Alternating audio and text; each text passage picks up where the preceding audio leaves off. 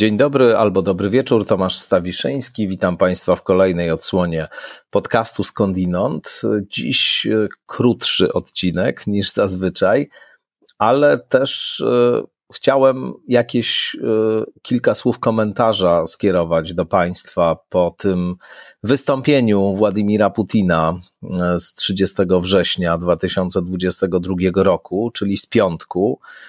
Ja się tutaj dla Państwa nagrywam w sobotę, 1 października.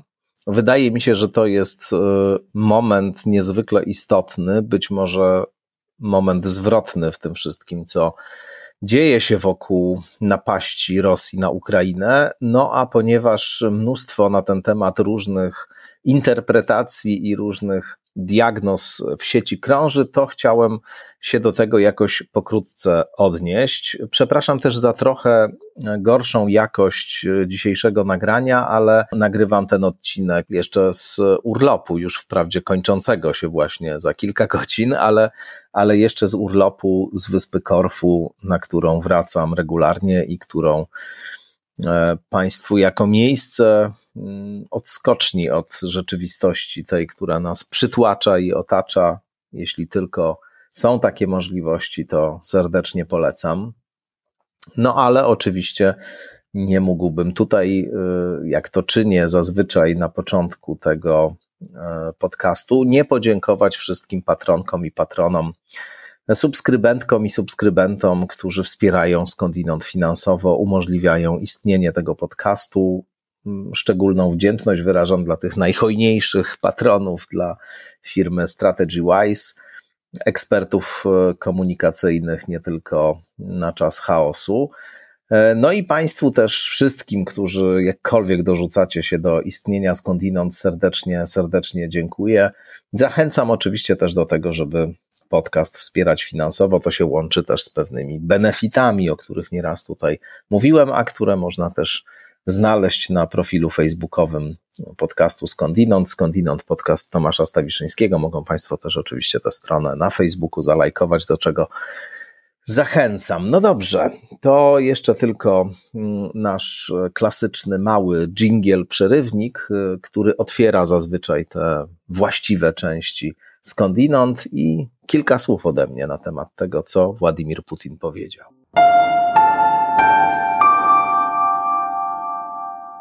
Na początku też e, chciałbym Państwa od razu, zanim jeszcze powiem to, co mam do powiedzenia, odesłać do mojego felietonu w nadchodzącym numerze Tygodnika Powszechnego 5 e, października. Będzie mój felieton pod tytułem Logika i Apokaliptyka i pewne myśli, które w tym felietonie zawarłem, a który to felieton pisany był jeszcze przed tym przemówieniem, dwa dni przed tym przemówieniem w szczególności. E, te myśli właśnie tam są w jakiejś takiej skondensowanej formie też e, ujęte.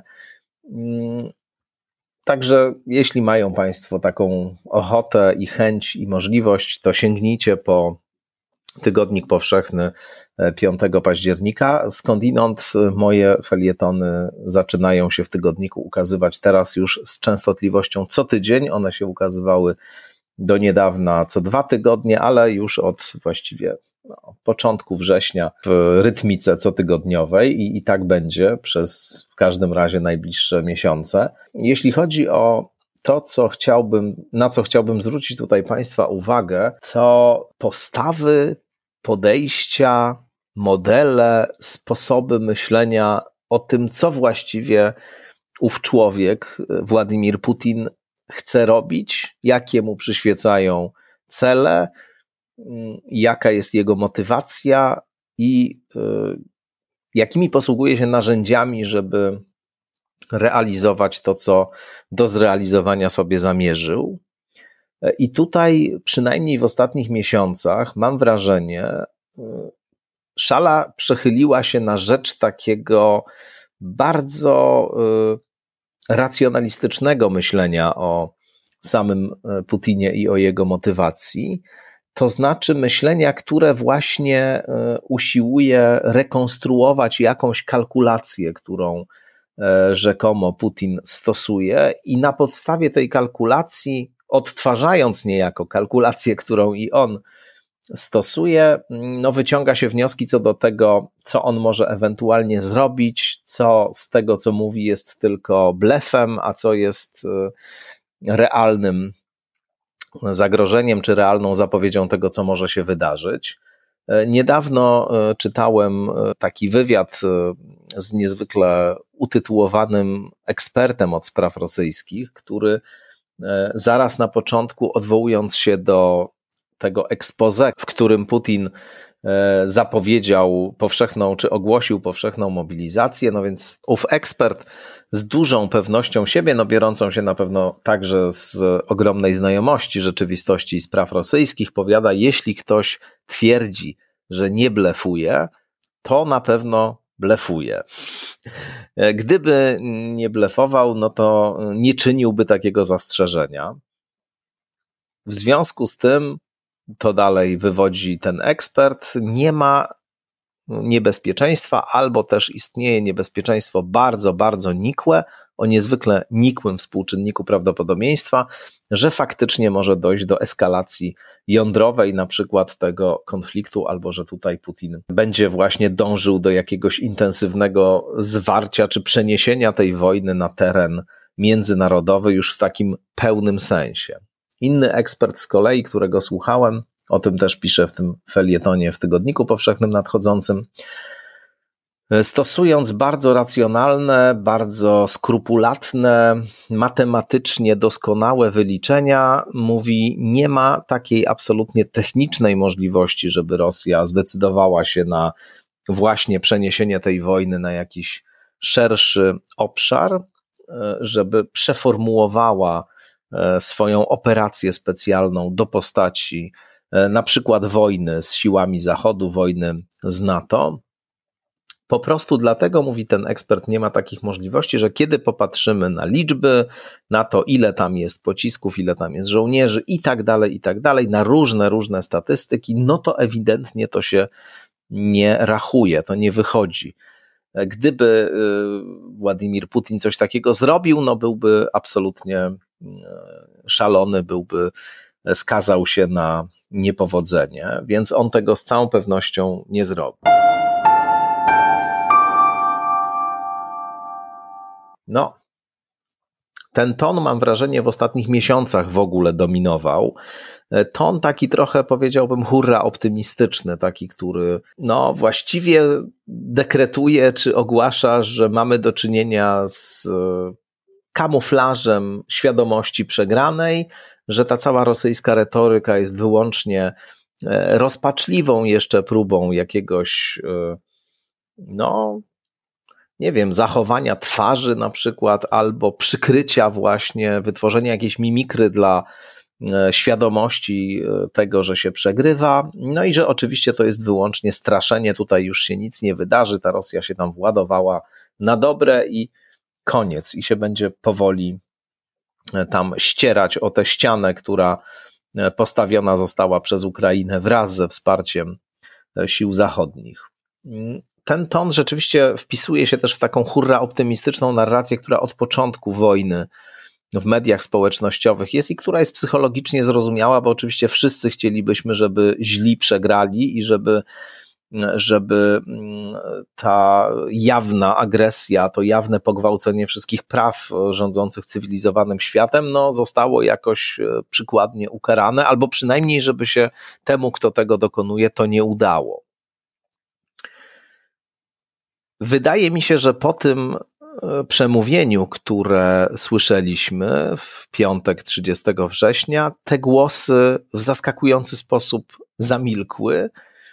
Pojawiło się przerażenie, pojawiła się świadomość, że mamy do czynienia z kimś, kto bardzo konsekwentnie, nie oglądając się na nic, swoje cele realizuje i dąży do tego, żeby je zrealizować i nie cofnie się najprawdopodobniej. Co więcej, ambicje, które są tutaj w grze, ambicje skądinąd przez wielu tak zwanych realistów z Johnem Mersheimerem na czele, E, definiowane jako wyłącznie strategia obronna względem nadmiernej ekspansywności NATO, okazały się wobec aneksji tych czterech republik, a to być może jest dopiero początek aneksji e, innych, które tam nastąpią, ale poszerzenia swojego terytorium, w obliczu poszerzenia swojego terytorium o objętość czy obszar równy mm, obszarowi Portugalii, jak ktoś to scharakteryzował. Otóż to pokazuje, że mamy tutaj do czynienia z czymś zupełnie, zupełnie innym, że o co innego w ogóle tutaj chodzi. Podobnie myślę treść tego przemówienia, które Putin wygłosił, tego przemówienia, e, które z ekstatyczną radością powitał Aleksander Dugin, pojawiający się zresztą e, nie z nazwiska wprawdzie w tym przemówieniu, jako mm, reprezentant filozofii rosyjskiej, swoistej, specyficznej, wyrażającej ducha zupełnie innej aniżeli zachodnia cywilizacji, której to filozofii, a zatem i samej Rosji, Zachód się boi do tego stopnia, że tych filozofów próbuje zabijać. No więc Aleksander Dugin ogłosił, że mowa Putina jest mową fundamentalną, przełomową, jest eschatologiczną mową, która de facto oznacza wypowiedzenie wojny całemu zepsutemu, zdeprawowanemu Zachodowi w imię tradycji. Tradycji pisanej wielką literą, oczywiście. O tradycji w rozumieniu Dugina to jeszcze sobie tutaj skądinąd porozmawiamy.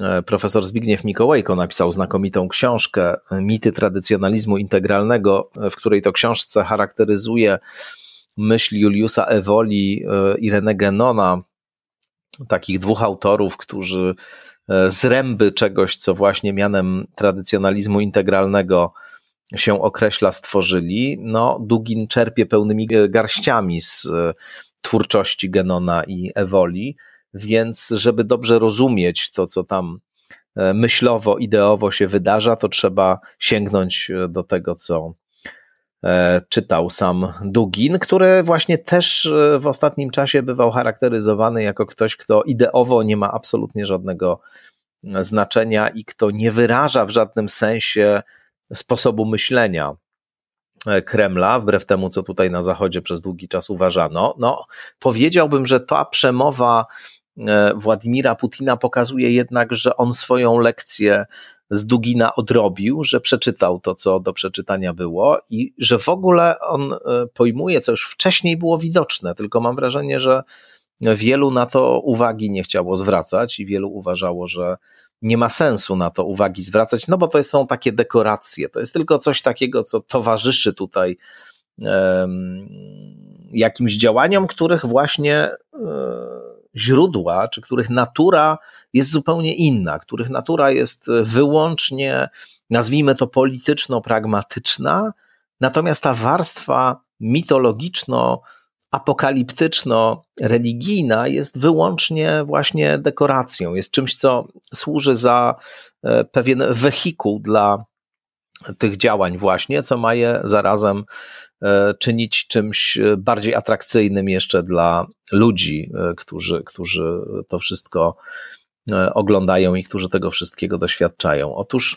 ta przemowa stawiająca Rosję w pozycji cywilizacji walczącej o zachowanie pewnego systemu wartości, który Zachód niszczy i który Zachód próbuje także w Rosji unieważnić i, e, i zdekonstruować, no pokazuje, że w ogromnym stopniu, poza ewidentnie też kontekstem, nazwijmy to polityczno-pragmatycznym, jest tutaj kontekst mitu bardzo silnie obecny. W tym, co sam Putin robi, w tym, jak o tym myśli e, i w tym, jak działa, rzecz jasna. Tutaj odwołałbym się do książki, która Wyszła już dosyć dawno temu. E, wiem, że będzie nowe polskie wydanie. Będę miał przyjemność napisać do tego wydania wstęp, e, ale to o tym powiem za moment. Ale ta książka została napisana pod wpływem wydarzeń w Stanach Zjednoczonych w 2001 roku, ataków na World Trade Center. Mam na myśli książkę sama Harrisa Koniec wiary. E, I teraz nie będę oczywiście rekonstruował wszystkich e, aspektów tej książki. e, która spotkała się też z ogromną krytyką, zwłaszcza ze strony takich liberalno-lewicowych środowisk, choć Harris jest e, z krwi i kości liberalno-lewicowy tak naprawdę, ale w tym mocnym, prawdziwym sensie w sensie przywiązania do dziedzictwa mm, zachodniego oświecenia. W każdym razie, mm, cóż, Harris powiada tam rzecz niezwykle, niezwykle prostą i niezwykle celną, mam wrażenie. I to jest cała teza tej obszernej skądinąd książki sprowadzona do esencji. Motywacją dla ludzkich działań są głębokie ludzkie przekonania, a głębokie ludzkie przekonania bywają przekonaniami głęboko irracjonalnymi. Człowiek jest istotą w ogromnym stopniu irracjonalną i pewną ekspresją tej właśnie irracjonalnej strony człowieka są rozmaite religijne mitologie religijne, nacjonalistyczne, ale komunizm i nazizm to także wzorcowe religie czy mitologie w tym sensie. O tym by też można długo mówić. To jest e, zasadnicza myśl tej książki. E, jak się wydaje, niekontrowersyjna, ale okazało się po publikacji tej książki, że, że bardzo kontrowersyjna, no bo właśnie uznanie, że ktoś dokonuje ataku e, samobójczego, nie dlatego, że funkcjonuje w takich, a nie innych okolicznościach ekonomicznych, nie dlatego, że nie wiem, funkcjonuje w takich, a nie innych okolicznościach politycznych, nie dlatego, że jest jakąś wypadkową, czy staje się jakąś wypadkową relacji pomiędzy mm, dwiema skonfliktowanymi ze sobą krajami, dwoma skonfliktowanymi ze sobą krajami, tylko dlatego, że naprawdę wierzy, że w momencie, kiedy e, zginie w ten sposób, to natychmiast znajdzie się w raju, który jest bardzo starannie scharakteryzowany jako miejsce nieprawdopodobnej szczęśliwości. I on naprawdę jest o tym przekonany. On w to naprawdę głęboko wierzy, a ten raj rozumie dosłownie, tak jak to jest przedstawione. Zginę i z tą chwilą, kiedy zginę, znajdę się tak, jak tu stoję, w innym miejscu, w którym otrzymam wieczną nagrodę i w którym spotkają mnie wyłącznie niesamowite przyjemności. Otóż te konteksty ekonomiczny, polityczny, wszelkie inne, one też są tu istotne, oczywiście, i one grają swoją rolę w tym, że człowiek może w coś takiego naprawdę uwierzyć, ale istotą sprawy, tym podstawowym poziomem, na którym można rozumieć zachowanie człowieka tego rodzaju, jest właśnie poziom jego głębokich przekonań, jego głębokiej wiary. Otóż zwróciłbym Państwa uwagę na tę książkę właśnie, ponieważ ona mi się zdaje być, no, yy, niezwykle ważna także dzisiaj. Nie tylko dlatego, że mnóstwo dziś jest yy, irracjonalizmów i, i osobliwych mitologii, często pod płaszczykiem różnych a to filozofii, a to E, a to innych e, odmian jakichś narracji e, kulturowych, ale właśnie dlatego, że mam wrażenie, tą właściwą perspektywą rozumienia tego, co robi Putin, poza oczywiście tym całym kontekstem, który jest istotny, tym kontekstem militarystycznym, poza kontekstem politycznym, poza kontekstem czysto pragmatycznym, ekonomicznym i tak jest kontekst, tym kontekstem właściwym, jest kontekst religijny. W szczególności jest kontekst apokaliptyczny. Narracja, którą uprawia Władimir Putin, jest narracją apokaliptyczną w tym sensie, że mamy tu do czynienia z bardzo taką twardo wyznaczoną granicą pomiędzy Królestwem Światła, czyli właśnie Rosją, pomiędzy tą sferą sprawiedliwych, którzy walczą o zachowanie dziedzictwa, tradycji, o wierność e, Bogu, o wierność zasadom, a tymi, którzy e, są sługami szatana. Tam o satanizmie zresztą uwaga się pojawiła expressis verbis w przemówieniu Władimira Putina. I teraz, jeśli tak rzeczywiście jest, jeśli to apokaliptyka właśnie, a nie racjonalność jeśli to więc apokaliptyka, a nie logika jest właściwym modelem rozumienia tego, co robi Władimir Putin, no to myślę, że powinniśmy jeszcze jedną książkę tutaj przywołać, czyli książkę Apokalipsa tu i teraz autorstwa René Girarda. Ja René Girarda Państwu nieraz tutaj do czytania polecałem. Otóż wydaje mi się, że te dwie książki są lekturami na teraz. Koniec wiary sama Harrisa oraz Apokalipsa tu i teraz René Girarda. Można by było sądzić, że te dwie książki się w zasadzie wykluczają, to znaczy, że perspektywy w nich zawarte są perspektywami fundamentalnie się wykluczającymi. Harris jest generalnie zwolennikiem racjonalności i uważa, że wszystko, co religijne, prowadzi na manowce, z wyjątkiem e, pewnych odmian buddyzmu, z wyjątkiem pewnych właśnie takich e, narracji wewnątrz tradycji buddyjskiej, które się sprowadzają do bardzo precyzyjnego opisu tego, w jaki sposób działa umysł ludzki. René Girard natomiast mówi coś e, niezwykle takiego znamiennego w tej swojej książce, którą e, tworzą rozmowy, jakie przeprowadził z nim pod koniec życia Girarda Benoit Chartres.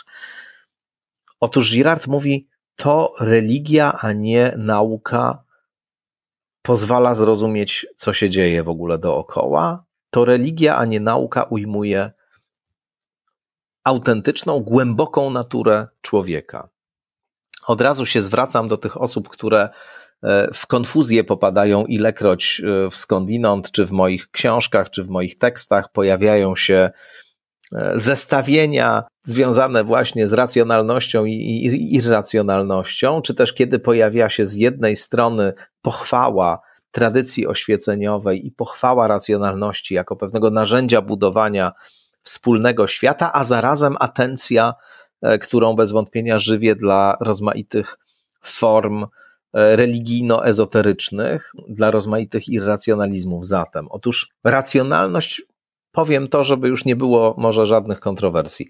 Racjonalność uważam za najlepsze narzędzie budowania wspólnej rzeczywistości, dlatego że jest to narzędzie pozwalające osiągać wyniki niezależne od naszych subiektywnych pragnień, upodobań itd. Tak Zyskujemy zatem instancję wobec nas zewnętrzną, która nam pozwala e, osiągać intersubiektywnie komunikowalne, weryfikowalne efekty czy wyniki, które to wyniki, no właśnie, w ten sposób są ze sobą niejako uzgadniane. W ten sposób, że przykłada się do nich pewne kryteria, które są od nas niezależne, wspólne. My wszyscy musimy się wobec tych wyników, wobec tego, czego się razem dowiadujemy o świecie, wycofać ze swoimi subiektywnymi, indywidualnymi uroszczeniami. I to jest jedyna gwarancja, moim zdaniem, żeby nie rządziła siła. Nie rządziła siła albo interes. No, siła ma to do siebie, że e, tam się pojawia, gdzie nie ma właśnie obiektywnych kryteriów e, działania, gdzie nie ma e, jakichś zewnętrznych wobec nas standardów, do których musimy się dostosować. Natomiast jeśli chodzi o te wszystkie irracjonalizmy, to one coś głębokiego o człowieku po prostu wyrażają. One pokazują, jakieś głębokie ludzkie fantazje, pragnienia, wyobrażenia i mity, pod których władzą wciąż się znajdujemy.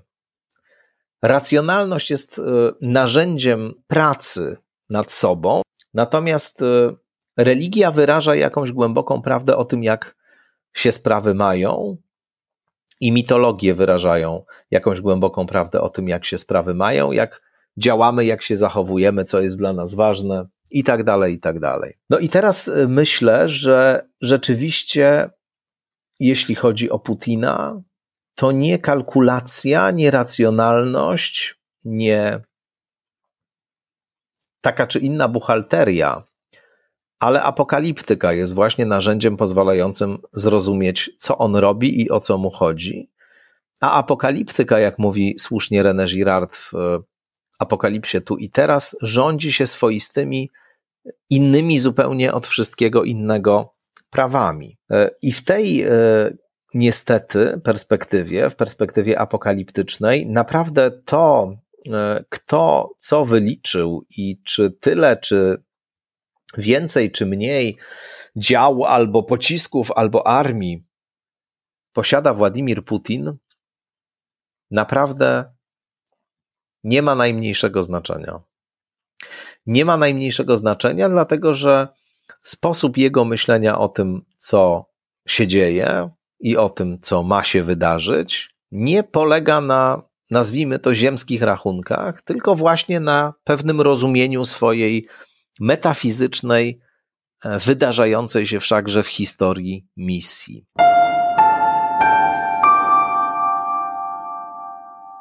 I na rzecz tej misji, mam wrażenie, e, on jest w stanie zrobić wszystko,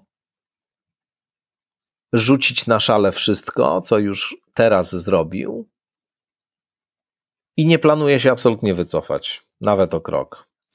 Wydaje mi się, że należy teraz brać bardzo poważnie wszystko to, co ten człowiek mówi, bardzo starannie posłuchać tego, co mówił wcześniej i zrobić wszystko, żeby z tej drogi go zawrócić, ponieważ on sam z tej drogi z pewnością nie zawróci.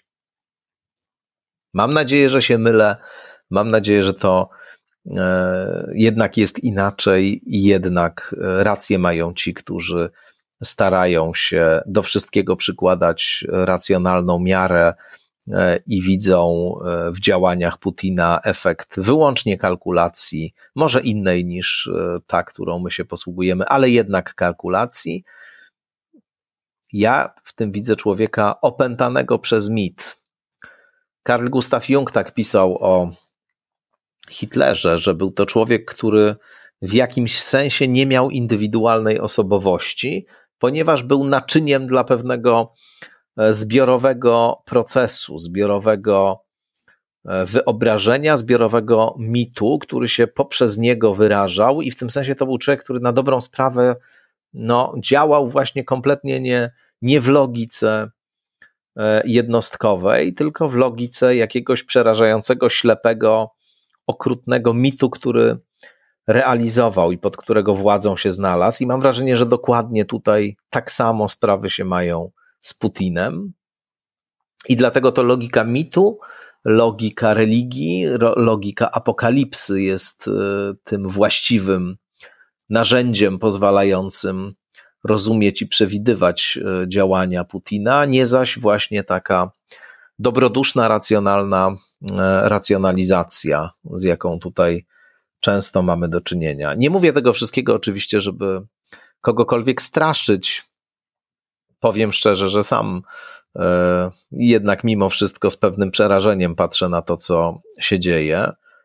No ale wydaje mi się, że warto na takie sprawy zwrócić uwagę, i warto mieć tę perspektywę, nawet jeśli jednak się okaże, że no ona nie jest prawdziwa i że mamy tutaj do czynienia z kimś, kto właśnie blefuje, kto przesadza, kto w gruncie rzeczy już wie, że przegrał. Mi się wydaje, że jednak jest inaczej i że tylko bardzo zdecydowane działania, być może w ogóle nie ma już innego wyjścia i być może i tak już sprawa została przesądzona i dojdzie do tej konfrontacji Rosja kontra reszta świata, no ale tylko bardzo zdecydowane zatrzymanie tego człowieka może zapobiec jakimś dramatycznym konsekwencjom, które przed nami. Bardzo dziękuję. Zachęcam Państwa do kolejnych odsłon skądinąd. No i proszę wybaczyć, że taką trochę minorową perspektywę tutaj wniosłem, ale jakoś nie dało się inaczej. Wszystkiego dobrego. Do usłyszenia.